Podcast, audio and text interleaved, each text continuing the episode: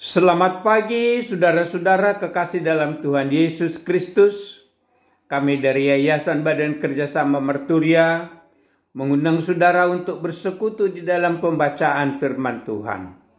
Mari kita mulai dengan memuji Tuhan dengan menyanyi dari buku Ende nomor 741 ayat 1 dan 4.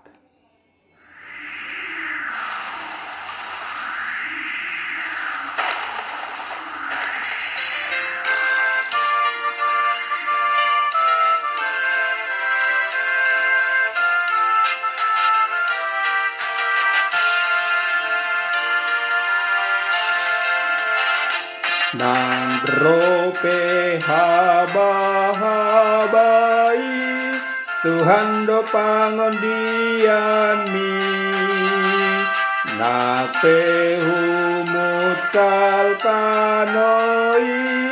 Tuhan do pangon diami Ai Yesus do partano batoani di tanon di tanon ay Jesus do partano batoani duluk partahanat tayo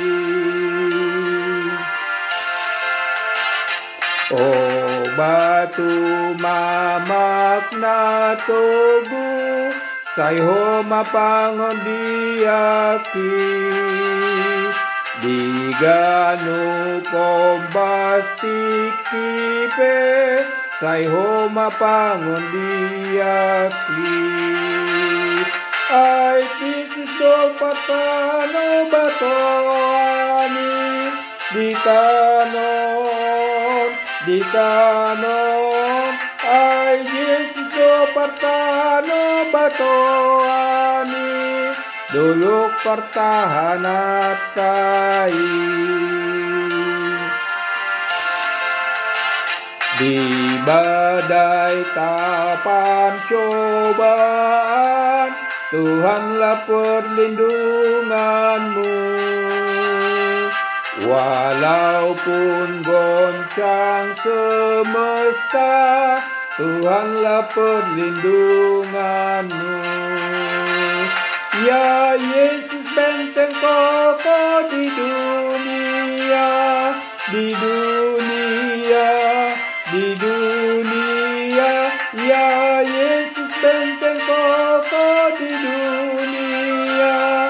perlindunganku yang bakar.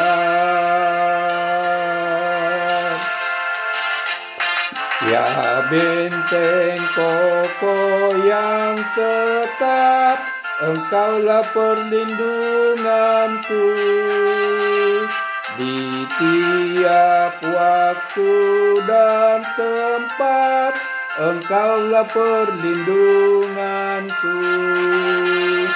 Ya Yesus benteng kokoh di dunia, di dunia, di dunia.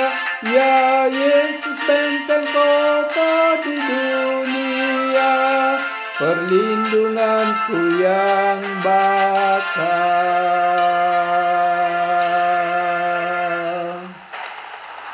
Mari kita berdoa. Tuhan di pagi hari ini kami datang memuji memuliakan namamu dan mengucapkan syukur atas segala berkat-berkatmu dan kehidupan baru yang Tuhan anugerahkan bagi kami di pagi hari ini. Sebentar kami akan mau mendengarkan firman-Mu. Berikan kami hikmat Tuhan untuk dapat memahaminya dan untuk dapat melakukannya di dalam kehidupan kami sehari-hari, sehingga kami boleh mempunyai iman yang kokoh teguh di hadapan-Mu. Di dalam nama anak Yesus Kristus kami berdoa. Amin. Saudara-saudara kekasih dalam Tuhan Yesus Kristus, firman Tuhan yang akan kita baca dan renungkan di pagi hari ini tertulis di Matius 7 ayat 25. Matius 7 ayat 25 demikian firman Tuhan. Kemudian turunlah hujan dan datanglah banjir, lalu angin melanda rumah itu, tetapi rumah itu tidak rubuh sebab didirikan di atas batu. Diberi judul Landasan Iman yang Kokoh.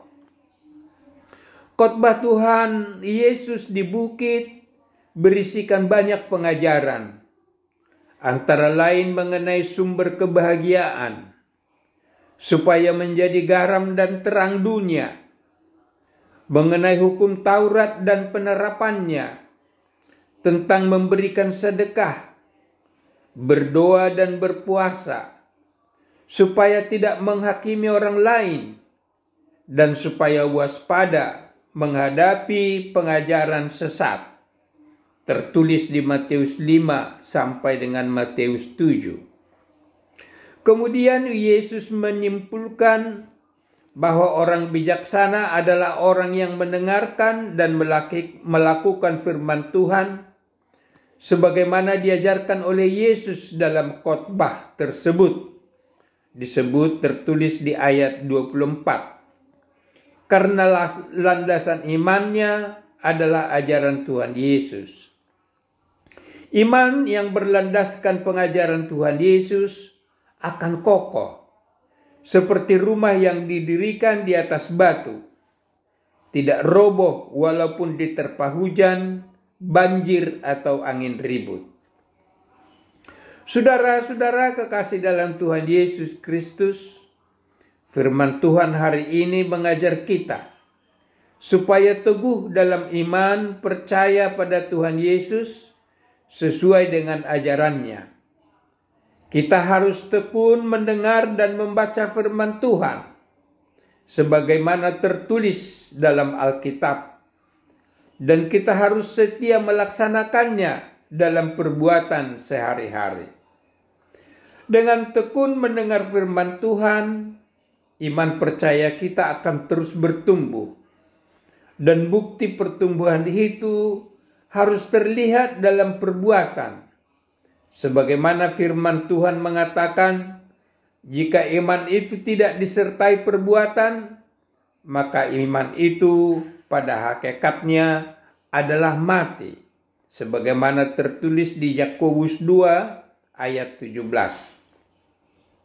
Saudara-saudara kekasih dalam Tuhan Yesus Kristus, mempraktekkan firman Tuhan dalam perbuatan sekaligus memperlihatkan komitmen kita untuk terus dan bertahan mengimani yang kita laksanakan itu, sehingga tidak mudah tergoda oleh ajaran nabi-nabi palsu atau nafsu-nafsu keduniawian sekarang ini.